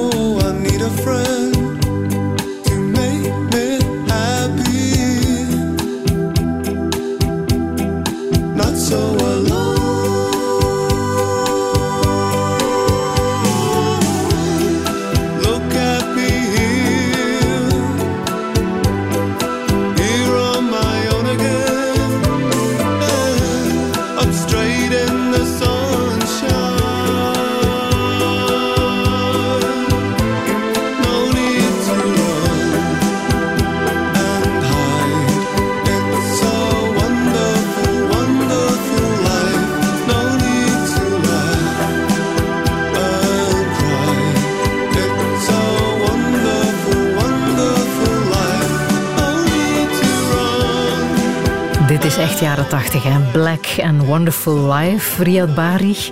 Waarom wou je dit laten horen? Dat is opnieuw een nummer dat op mijn huwelijk ook gespeeld is. We spelen het hele huwelijk, denk ik, vandaag. Ik ben het opnieuw aan het beleven, ja. Ja. En is het ook een wonderful life? Eh, ja, eigenlijk wel. Dat huwelijk is Ja. zeker een wonderful life. Ja, natuurlijk, zoals elk huwelijk. Het is niet elke dag... eh, eh, dat is een werk, hè. Je moet daaraan werken. En niet alles loopt altijd even vlot. Maar... Ja, nee, mijn... Niels is de, de beste partner, denk ik, die ik mij had kunnen wensen, denk ik. Dat denk ik echt wel, ja. Die ook begrijpt wat er al in jouw leven is gebeurd. Ja. Ja. Wij zijn heel complementair op karakterieel vlak. En Niels is een heel zachtaardige, begripvolle, emotionele jongen. Ehm, met een heel zacht en week hart. Dus dat is iemand met de ervaringen van mij kan dat wel goed gebruiken. En dat is nodig, denk ik, hè? als je al een paar eh, behoorlijke hindernissen in je leven hebt meegemaakt. Ja, dan is, ik zeg al, Niels, is- Niels is mijn warm deken. Ja. Nu, je had het al over eh, je vader die je verloren bent, de dood van je zusje. Maar daar is nog iets uit voortgekomen, hè? Die depressie waar je mee hebt eh, geworsteld een aantal jaren geleden. Was ook niet zo'n vrolijke periode in jouw leven, denk ik. Eh, nee, nee dat, was niet mijn, dat, was niet mijn, eh, dat was niet mijn beste, mijn beste periode. Ehm, Dat was 2015, toen was je... Ja, ik denk dat oh, het is al, eh, het is soms al ver in mijn hoofd, ergens in een kastje opgesloten. Eh, ik denk dat ik toen een jaar of 26 was. Eh, dat is eigenlijk heel geleidelijk gegaan hoor. Ehm, ik vergelijk het altijd met een soort eh, trein die niet meer wou vertrekken in het station. En alles begon stilaan uit te vallen. Eh, letterlijk en figuurlijk. Ik, eh, ik waste mij niet meer, ik kwam mijn bed niet uit, ik at niet. Ik poetste mijn tanden zelfs niet. Eh, ik uh, verzon continu smoesjes om niet te komen werken, smoesjes om geen vrienden te moeten zien. Dus ja, ik heb mij sociaal beginnen isoleren van de wereld. Um, want ook gemakkelijk, allee, gemakkelijk was, ik woonde alleen. Ik was toen ook alleen. Dus het duurde ook even voordat mensen zich vragen begonnen te stellen bij mijn afsluitgedrag. Maar ja, ik heb... Uh, uh, ja, dat was heel dramatisch wel, ja. Ik had dan ook heel forse paniekaanvallen en zo. Die heel intens waren, soms een paar uur duurden. Uh, dus dat was heel moeilijk, want ik ben altijd opgevoed vanuit een bepaalde trekt uw plan uh, houding. Mijn vader heeft dat er altijd ingepeperd bij ons, uit de filosofie van ja, uw naam is Riyad Bari, is anders dan Jeff en Jos. Dus je gaat altijd, was zijn filosofie, iets harder je best moeten doen om hetzelfde te bereiken als Jeff en Jos. Dat was zijn redenering. Dat waarom hij ons ook nooit geen Arabisch heeft willen leren als kind. Hij zei, jij moet perfect Nederlands kunnen. Dat Arabisch, dat is, doe dat maar als je volwassen bent. Um, en vanuit die houding, altijd uw plan moeten trekken, was ik het ook gewoon, ooit na de dood van mijn zus, om mijn plan te trekken en om dat in mijn eentje te doen. Maar plots, toen ik 6, 27 werd, ja, begon dat motortje van al die jaren uw plan te trekken, uh, te sputteren. En iemand die het niet gewoon is om hulp te vragen, dat nooit heeft gedaan, gaat dat ook niet snel doen. En je vertelde het ook niet hè, aan nee. mensen wat er echt aan het gebeuren was met jou? Nee, ik kon heel goed theater spelen. Uh, de dagen dat ik dan toch kwam werken, had ik soms ook last van die paniekaanvallen. Ik voelde dat dan meestal opkomen. Dan liep ik hier op de vierde verdieping naar het gehandicapte toilet. Ging ik daar een uur janken. Ik had dan een tas mee met make-up en dan schminkte ik mijn ogen. Uh, zorgde ik dat mijn gezicht er min of meer oké okay uitzag. kwam ik buiten. Ik heb, zelfs nog, ik heb zelfs nog live interventies in het journaal gedaan dat ik uh, al jankend aankwam en al jankend vertrok. Maar die twee minuten op tv zagen ze toen een 26-jarige enthousiaste jonge krullenbol die uh, het nieuws stond te verslaan. Maar als je dan in de wagen zat op weg naar huis, ben je beginnen op te nemen wat je echt had gevoeld die ja. dag. Ik wil dat even laten ah. horen. Vandaag was weer een ambetante dag. Het is het gevoel alsof dat je in de alsof je in de woestijn staat en je zit aan het schreeuwen en je zit aan het brullen. En je hoopt dat er iemand is die je kan horen of die je opmerkt. Maar zo gaat dat. dat er is niemand die dat gewoon ziet. Filmpjes die jij zelf hebt opgenomen en die uiteindelijk ook zijn uitgezonden in koppen. Want je wou daarmee naar buiten komen. Hè? Je wou tonen hoe het echt voelt als je een depressie hebt. Ja, dat was een beetje mijn pragmatisme. Zo van, eh, het zal dan toch maar voor iets zinvol geweest zijn. Al is het maar om... Ik heb de fundamentele klik gemaakt toen ik thuis zat in mijn, in mijn depressie. Op een gegeven moment zette ik het journaal op. Dat was al een revolutie dat ik terug zin had om naar het journaal te kijken. En dat begon met ehm, de jaarlijkse cijfers over hoeveel jongeren er last hebben van mentale problemen. Eén op de vijf was het, denk ik. En dan kreeg je zo de typische journaalreportage ingelezen door een collega met toen een paar citaten van Maggie de Blok, die minister van Volksgezondheid was. En that's it. En ik dacht toen, dit gaat over mij. Ik ben één van die één op de vijf. Maar ik heb geen seconde gezien. Wie zijn die mensen? Wat voelen die? Wat gaat er in die mensen om? Hoe ziet een depressie eruit? Ik merkte dat ook, dat ik... Als ik het dan toch eens aan iemand vertelde, mensen konden dat niet vatten. Wat is dat? Eh, en toen heb ik, dat is vooral in het tweede deel van dan die depressie, heb ik eh, filmpjes gemaakt die ik dan initieel gebruikte ik heb dat aan mijn toenmalige, aan mijn beste vriend en beste vriendin op een gegeven moment bij mij naar huis gehaald. En gezegd van, kijk, ik moet jullie iets vertellen, maar ik, ik vind niet de, niet de woorden of zo om het te vertellen. Hier is mijn smartphone. Binnen vijf minuten ben ik terug. En dan heb ik ze een reeks van die filmpjes laten zien. En eh, dat was dan de start van het gesprek. En dat was voor mij gemakkelijker, omdat ik dan niet alles moest vertellen, want ze hadden al veel van de dingen kunnen zien. En hoe reageerden ze daarop? Iedereen schrok, want ja, ik was kampioen, zoals heel veel mensen die ongelukkig zijn in het wegsteken daarvan. Ik heb er alles aan gedaan om dat heel lang en heel goed weg te steken. Ehm, maar ik heb toen wel het allerbeste advies gekregen en het ook het allereenvoudigste advies, namelijk ga hulp zoeken. Was dat moeilijk om dat te aanvaarden, dat je die hulp echt Ja, nodig had? want ik was, zoals ik daarnet al zei, het gewoon om alles alleen te doen. En het was een bepaalde manier van falen of zo. Ik vond dat ik gefaald had. Ik had getoond dat ik te zwak was, dat ik het leven niet aankon, dat ik mijn job niet aankon, dat ik labiel was. Ik dacht, hè, vroeger een therapeut of een psychiater, dat is iets voor... ehm, ik spreek nu echt in clichés, ik wil niemand eh, beledigen, maar ik dacht toen, dat is voor gekke mensen. Toch niet voor mensen zoals ik. Ja, zat ik eventjes eh, grondig fout. En achteraf gezien is de beste beslissing die ik heb genomen is om naar Hilde, eh, mijn psychologe, te gaan. Ja. Mhm. En ook medicatie te nemen. ja. Ja. Hoe belangrijk was dat? Eh, zeer belangrijk, omdat ik, ik zeg het, ik had continu, en niet continu, maar ik had heel veel paniekaanvallen. Ik sliep heel slecht. En dan kom je in een vicieuze cirkel terecht, waarbij je fysieke staat, je mentale staat beïnvloedt. En ik had echt dringend nood dat ik stopte met huilen. En die antidepressiva hebben letterlijk dat na een paar weken platgelegd. Ik kon niet meer huilen. Dus ik, kon, ik kreeg geen paniekaanvallen meer. En dat was voor mij belangrijk om fysiek echt rust te vinden en dan te beginnen werken aan die demonen die nog in mijn hoofdje zaten. Had het fout kunnen gaan, denk je? Ik heb me dat heel vaak afgevraagd. Ik heb op een gegeven moment wel een afscheidsbrief geschreven aan mijn moeder. Maar ik denk altijd met het idee van... Niet van het te doen, maar van mijn emoties op papier te zetten. Ehm, ik heb ook een fundamentele angst van doodgaan, dus ik denk dat vaak dat mij nog gered heeft van, eh, van die stap te, te zetten. Maar ja, ik heb daarover nagedacht. Ik heb toen ook eens de zelfmoordlijn en zo eh, gecontacteerd in die periode. Ehm, dus ja, ik zeg vaak dat Hilde, mijn psycholoog, wel mijn leven gered heeft. Ja. Mhm.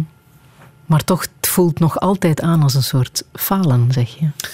Eh, Nee, het voelde toen echt aan als falen. Nu eh, ehm, besef ik dat er is niks gênant of er is niks verkeerd aan ongelukkig zijn. Dat is dik oké en dat is heel normaal. Ik zou pas gefaald hebben als ik geen hulp ging gaan zoeken. Want dan glipt het leven aan je voorbij. En staat je erbij en, en gaat je gewoon strontongelukkig de dag door. Dus, ehm, maar dat heeft mij even tijd gekost om te beseffen dat ik ook niet alleen was. Dat er zo heel veel mensen zijn. En krijg je dan een verklaring voor eh, die depressie? Waar dat echt vandaan komt? Je hebt natuurlijk jouw verhaal gedaan en dat kunnen Wel, mensen zich wel een beetje inbeelden, maar dan nog. Ik vergelijk het met een, eh, een rugzak. Die ik, al, die, ik heb al, iedereen heeft een rugzak. Ik heb al 33 jaar een rugzak waar mijn levenservaringen in zitten. En ik denk dat op het punt toen ik 26 was, er iets te veel bagage in zat. En ik ben dan gewoon op de grond gesmakt. Dus dat is denk ik een opeenstapeling. Dat was ook natuurlijk te midden van de periode dat er geen contact was met het thuisfront en zo. En ja, het was ook een leeftijd, denk ik, waarop ik iedereen rond mij zag die zich begon te settelen en kinderen begon te krijgen. En ik stond daar alleen en ja, dat was zo precies ja, het moment waarop dat ik besefte van... Ja, ik weet eigenlijk niet wat ik besefte. Ik vind het soms nog altijd moeilijk om het onder woorden proberen te brengen, hoor. Ehm, maar ik denk dat met de ervaringen die ik heb gehad in die 26 jaar daarvoor, het eh, een accident was waiting to happen. Maar ik ben er wel dankbaar voor. Ja, toch wel? Ja, omdat het mij nu geleerd heeft dat ik een mentale kwetsbaarheid heb, die ik de rest van mijn leven ga hebben. En die eh, jou ook heeft geleerd om dat te detecteren bij jezelf als, als het even niet goed gaat? Nee. Want allicht komt dat wel eens terug. Ja, dat komt, eh, dat, ik herken dat meteen Waaraan herken je dat? aan eh, het feit dat ik passief word. Als ik mezelf wat begin op te sluiten thuis ehm, en wat sociaal contact begin te mijden omdat het mij overprikkelt, dan weet ik van oei, ik moet iets doen, want dit is... Ik kan dat hebben na een heel stresserende, intense nieuwsperiode waar ik heel veel gewerkt heb. En dan de decompressie van eventjes niks te doen, kan mij ook weer overduwen naar sociaal isolement en zo. Ehm, mijn belangrijkste reddingsboeien zijn sport. Dus ik verplicht mezelf om zes keer per week te gaan sporten. Ehm, ik doe dat ook heel graag gewoon, maar dat, is, dat heb ik geleerd tijdens mijn depressie. Dat is soms betere medicatie dan antidepressiva. Eh, sport en stilte. En vriendschap, wat heb je daarvan geleerd? dat echte vriendschap iets heel zeldzaam is. Dat heb ik geleerd. Dat als je zo diep zit en je hebt je al een week niet gewassen, en als er dan nog iemand is die langskomt om je uit je bed te sleuren, dat is vriendschap. Iemand die sms't en die weet dat je toch niet gaat antwoorden, maar die stuurt ik zie u graag, ik denk aan u. Dat is vriendschap. Niet die 2000 Facebook-vrienden die met uw verjaardag gelukkig verjaardag sturen of zo. Niet die mensen die je tegenkomt op café, bij wat small talk. En ik heb het onderscheid leren maken tussen kameraadschap en vriendschap. Ik heb kameraden, mensen met wie ik graag eens een avond spendeer en die heel fijn zijn. Maar dat zijn niet noodzakelijk vrienden in de echte betekenis van het woord. Dus ik begrijp ook niet oprecht dat als mensen zeggen ah, ik heb 15 of ik heb 20 vrienden. Ik antwoord eerlijk nee. Ik heb er misschien twee of zo.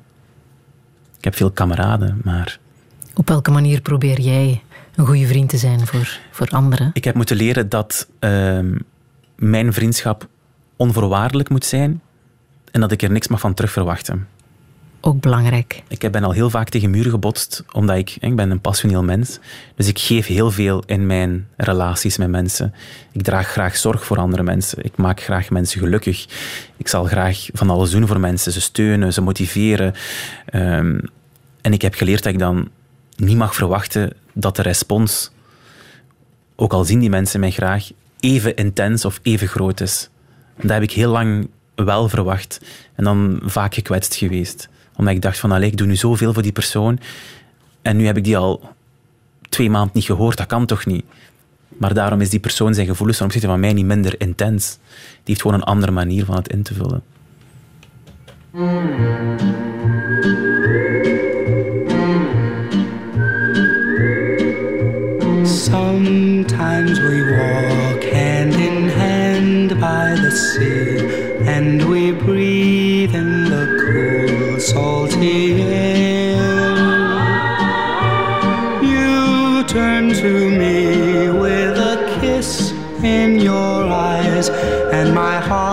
Feels a thrill me.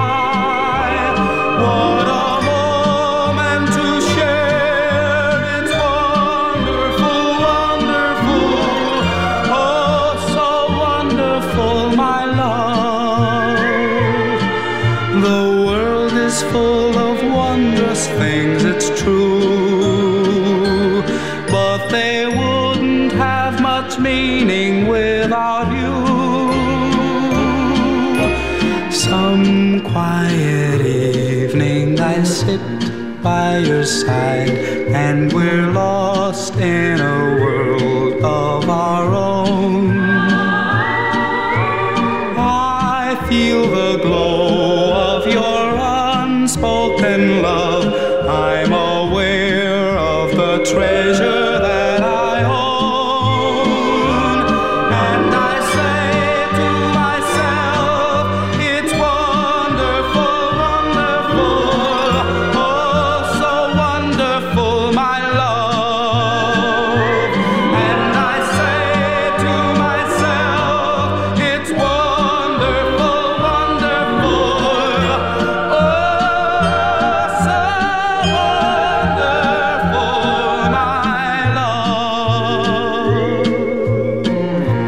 Johnny Mathis, een Amerikaanse muzikant eh, met Wonderful Wonderful. Riyad Bari, en ik durf bijna niet meer vragen waaraan dit nummer jou doet denken. Eh, dat is de, de openingsdans op mijn huwelijk afgelopen zomer. Sorry aan de luisteraar. nummer. Ik val in herhaling. Ja, Prachtig, prachtig. uniek nummer. Ja, we hebben het ontdekt, vandaar dat we het ook gekozen hebben voor ons huwelijk. In het begin, toen we aan het daten waren, hebben we eh, de Amerikaanse serie Desperate Housewives gebinged. En de allerlaatste scène, in de allerlaatste aflevering, sterft een van de hoofdpersonages en start er zo'n hele melige slow-mo-montage op de tonen van dit nummer. En En wist je wie dit was? we hebben dat toen gegoogeld, want we vonden dat, ja, we vonden dat een mooi nummer. En dat was het einde van die serie. En dat was zo'n intense, leuke periode in het elkaar, bij het elkaar aftasten en leren kennen aan het begin van die relatie. Eh, ja, en sindsdien draaien we dat wel vaak, ja. Want hij heeft een verhaal, hè, deze man. Ja, ik zou het eigenlijk niet weten. in 82 eh, openlijk gesproken in een magazine over zijn homoseksualiteit. Oké, dat wist ik niet. Is daar zo voor belaagd geweest dat hij eh, niet meer heeft gesproken, jarenlang. Oké, dat, is, oef, dat is bijna simpel. Het is bijna, het is bijna een teken van God. Ja, ik dacht dat jullie dat zouden weten. Maar Nee, nee. ja. Het kan niet symbolischer zijn, Ja, denk ik dan. ja, ja. Hoe heb jij ontdekt dat je op jongens viel? Wel, letterlijk ontdekt, denk ik, eh, als, eh, als kleine snotter. Ik heb tien jaar gevolleybald in een volleybalploeg. En ik denk, toen daar in mijn puberteit aankomende, had ik door dat ik net iets te graag naar mijn teamgenoten. Of dat bij dat beeld van jongenslichamen, dat mij dat iets deed wat ik niet voelde bij meisjeslichamen. Eh, dat is mijn vroegste herinnering aan ik ben anders dan de rest. En jouw eerste contact met een man? Hoe Is dat na tien bijzonder was dat? Eh, absoluut niet. Nee? Dat was vreselijk. Ja. Ja, ik heb moeten overgeven nadien ook. Omdat ik zo geconditioneerd was op dit is niet... Vanuit mijn opvoeding en zo, ik, was zo, ik had zo hard geleerd dat wat ik nu doe tegen alles is waarvoor wij staan. En dat dit niet oké is, dat mijn lichaam er zich bijna letterlijk fysiek tegen verzet heeft toen. En hoe heb jij je daar zelf tegen verzet, tegen dat gevoel? Eh, dat heeft even geduurd, want na mijn eerste ervaring eh, ben ik bijna letterlijk terug volledig in een kast gekropen en dacht ik van, ja, dit is niks voor mij. Eh, zal ik maar bij hetgeen blijven wat van mij verwacht wordt, namelijk de vrouwen. Het is dan pas een paar jaren later, toen ik al op de, bijna afgestudeerd was aan de universiteit, dat er terug eens bijna per toeval een jongen passeerde. En toen was het wel aangenaam. Mhm. Dus toen dacht ik, oké, we zijn misschien wel vertrokken. Want dan heeft het nog even geduurd voor je Niels tegenkwam. Ja, ik was al bijna wanhopig aan het worden. Maar hoe heb je ontdekt dat dat de ware liefde was? Dat is heel... Het is bijna, het is bijna zeemzoet cliché, maar ik, ik was instant, instant verliefd als ik die zag. En was het anders dan de contacten die je tot dan had gehad? Ja, die contacten daarvoor waren niet substantieel. Er was geen klik op emotioneel vlak of die, ja, het cliché van het puzzelstuk of van het dekseltje en het juiste potje. Niels en ik, wij schuiven of klikken zo goed in elkaar dat ehm, ik heb dat nog nooit gehad met iemand. Hij voelt mij perfect aan zonder dat ik één woord moet zeggen. Hij weet hoe te reageren of wat te zeggen in bepaalde situaties nog. Onze relatie behoeft weinig uitleg. Tot dan zat je wel heel erg op dating-apps. Mag ik dat verklappen? Tuurlijk. Ik heb hem ook Ah. leren kennen op eh Grindr, Ah. of all places. We zijn daar heel trots op zelfs. Omdat je daar de ware liefde ook Omdat kan dat, vinden? omdat dat toch kan, ja. Ja. ja. Ja, eh, ik zal het nooit vergeten. Het was eh, 27 mei. Hij stond op de trappen van de beurs in Brussel. Het was toen snikheet. En hij kwam die trappen afgewandeld. En ja, ik dacht, amai. Moet ik het nog bevestigen? Ondertussen zijn jullie dus ook getrouwd. Ja. Eh, was niet makkelijk in coronatijd. Nee, we hebben het een jaar moeten uitstellen. Mhm. Maar moeilijk gaat het ook. Ja. En dat is met een gedicht van Maud van Houwaard Ja. gegaan. Ja. Een prachtig gedicht. Ja. Ja. Ik heb haar van de week laten weten dat jij hier vandaag Oh. te gast zou zijn. En ze heeft het speciaal voor jou nog eens ingelezen. Ah, dat is fijn, want ik had het gewoon zelfs mee. Maar zullen we het zelf Ja, ja laten veel, lezen? veel beter. Hier komt ze. Wij, hier, nu, ja. En ach, misschien zullen er ooit bergen rijzen. Valleien splijten tussen ons in. Zullen wij met rookpluimen moeten seinen? Weet je nog, daar, toen, wij, toch? Maar zolang we niet vergeten dat er een moment was in ons leven waarop we dachten: dit en voor eeuwig, dit heden is een Eden, vinden wij ons wel weer in elkaar. En zal ik denken aan wat je ooit onbewaakt tegen mij zei. Je had het in oude psalmen gelezen. Aan u gebonden ben ik vrij. Aan u gebonden ben ik vrij. Prachtig, hè?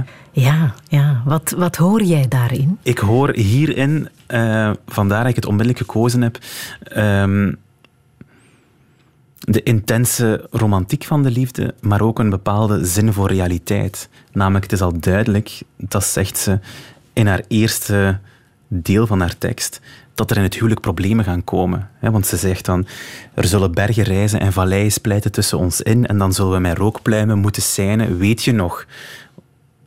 En ik ben heel bewust getrouwd met Niels. En ik, onze ceremonie, zei ik ook, mocht geen zeemzoeterige afkondiging zijn van ah, we gaan lang en gelukkig leven en alles gaat fantastisch zijn. Wij zijn heel rationeel getrouwd. In die zin, wij zijn heel, eh, verliefd, wij zien elkaar graag. Maar wij beseffen dat er dagen, weken, maanden, misschien zelfs jaren gaan komen, dat we dat gevoel gaan verliezen. En dan moeten we met onze rookpluimen seinen. Weet je nog, die periode en proberen dat gevoel terug te nemen naar het nu. En inderdaad, die laatste zin, aan u gebonden ben ik vrij. Klinkt een beetje archaïs, maar het is zo mooi om te beseffen dat vrijheid eigenlijk kan zijn dat je vasthangt aan iemand, maar in een positieve zin. En ik heb ook bijna het gevoel dat mijn leven pas echt begonnen is, mijn emotioneel gelukkig of stabiel leven, min of meer, sinds dat ik Niels ontmoet heb. Dus ja, aan hem gebonden ben ik vrij. Je had ook voor het hooglied kunnen kiezen, hè? Ja, Daar heb je ook iets mee. ja maar ik, ik, ik heb... Prachtige tekst uit de Bijbel, ja, het is, een, trouwens. het is een prachtige tekst. Het, het gaat ook over de liefde. Eh, het is soms een metafoor voor de, de liefde tussen God en eh, Israël, heb ik me laten vertellen. Maar ehm, het is vooral omdat ik op, als kind ben ik een tijd lang heb ik mezelf geprobeerd om gelovig te zijn. Ehm, ik heb altijd, en nog altijd soms, ben ik heel jaloers op mensen die gelovig zijn. Dat geeft een bepaald waardekader, dat geeft een bepaalde houvast in moeilijke tijden, dat geeft bepaalde verklaringen voor onverklaarbare dingen. En ik weet in de periode nadat mijn zus overleden is, probeerde ik te verklaren waarom? De meest irrationele vraag, waarom zij? Waarom is dit gebeurd? En toen ben ik eh zo wat eh, godsdienstachtige teksten beginnen lezen, op, in het, op zoek gaan naar het waarom, maar ook naar, kan ik geloven? Kan ik daar troost in vinden? Kan ik daar zingeving in vinden? En toen heb ik ooit eens inderdaad een, het hooglied gelezen. En dat is mij toen bijgebleven. Ehm, maar ik ben er niet in geslaagd om gelovig te worden. En wat is daar echt de reden voor, denk je? Ik ben te rationeel, denk ik. En heeft je homoseksualiteit daar iets mee te maken? Nee, want ik begrijp dat zelfs homoseksuele mensen gelovig kunnen zijn of deel kunnen zijn van de club die ons op papier alleszins niet hard hoeft. Ehm, maar ik weet dat ik daar, misschien ook omdat ik het gevoel heb dat ik alleen ben opgegroeid, heel vaak ook eh, de goesting had om deel te zijn van een gemeenschap. En een groep mensen die voor elkaar zorg dragen. En ik heb misschien het romantische beeld dat geloven of een geloofsgemeenschap daarvoor kan zorgen. Ik was altijd jaloers op mensen die echt geloofden dat als iemand overleed van ja, maar die is naar het volgende leven of naar het hiernamaals. En ik heb mezelf echt geforceerd om dat te kunnen geloven, maar het lukt mij niet. En het hooglied, wat op zich eigenlijk een van de mooiere teksten is, Mhm. ik vind het ook heel atypisch daarvoor. Het gaat, het gaat ook over seksualiteit en zo, wat biz, allee, wat je in de Bijbel of zo op andere plaatsen niet zo hard eh, terugvindt. Ehm, dus het is in, in die zoektocht dat ik die tekst ben tegengekomen. Mhm. In hoeverre kunnen jullie als koppel zijn wie jullie willen zijn in Brussel? Hmm, dat is een goede vraag. Ehm, naar mijn goesting niet voldoende. Er is al een en ander gebeurd, hè? Er is al een en ander gebeurd, ja, de voorbije t- 12, 13 jaar dat ik Hoe vaak woon. ben je al aangevallen, uitgescholden? Ja, Ik zal een gemiddelde nemen. Uitschelden zal... eh, dat valt toch wel om de twee maanden of zo wel voor, ja. En het ergste wat je hebt meegemaakt? Dat is eh, één keer een eh, klap gehad en één keer in september dan ook wat klappen gekregen en overvallen dan. Toch heftig, hè? Ja, alles went. Alles en ik ben daar zeer, eh, zeer onderkoeld in eigenlijk. Dat je je de- eigen gedrag gaat aanpassen? Ja, het is een deel van mijn dagelijkse realiteit geworden. Ik, zei, ik vind dat ergens wel jammer, want ik, ik gebruik dan mijn eigen boetade van ik heb zoveel moeite gehad om uit de kast te kruipen, gezien mijn familiale en culturele voorgeschiedenis. En toch dwingt een deel van mijn stad mij om alle dagen eigenlijk terug in mijn kast te kruipen. Goed, ik herinner mij gisteren, we waren aan het wandelen gisteravond naar, op weg naar vrienden. En ik wou Niels een kus geven. En dan kijk ik toch eerst rond. Is hier niemand in deze straat? Nee, er is niemand. Dus ah, ik geef u snel een kus. Komt dat ooit goed? Dat het wel allemaal kan? Dat het, ehm, Onverdraagzaamheid gaan we nooit de wereld uit helpen. Van mij mag ook iedereen vinden van mij wat hij of zij wil. Ik heb er geen probleem mee als mensen homofoob zijn. Ik heb er geen probleem mee als mensen vinden dat wat ik doe of wie ik ben, dat dat niet strookt met hun waarden en normen. De gedachten zijn vrij. Maar in de publieke ruimte zou dat niet mogen, dat ik niet kan zijn wie ik wil zijn. En ik vrees dat dat niet voor vandaag of morgen zal zijn. zou jij kinderen willen? Absoluut niet. Nee? Nee. Dat is duidelijk. Ja. Ja. Ehm, ik geef ook eerlijk toe dat ik daar te egoïstisch voor ben, denk ik. Ons leven draait rond het ons. En mensen met kinderen moeten heel veel opofferen. En hun leven draait grotendeels rond de kinderen. En dat is tegelijkertijd iets heel mooi, denk ik. Maar nee, ik, ik, ik wil het niet. Ik denk wel dat ik ooit een zorgwens zou kunnen hebben. Het Om zorg voor dragen iemand te zorgen. voor iemand. Ja. Dus ik, we hebben al tegen elkaar gezegd, als we ooit dat zorggevoel voelen opkomen, dan kunnen we misschien nadenken over pleegzorg of zo. Maar per se het willen van een eigen kind, nee, dat absoluut niet. En wat zou je wel nog willen in je leven? Ehm, stabiliteit en minder afscheid moeten nemen, denk ik. Dat is hetgeen dat ik het minst graag doe. En ik vind dat ik dat in de eerste 33 jaar van mijn leven van twee iconische mensen uit mijn leven heb moeten doen. En ik ga daar positief op terugkijken. Dat doe ik al bij één van die twee, bij mijn zus. Maar het is voor eventjes welletjes geweest nu. Welke boodschap wil je nog meegeven, Riyad?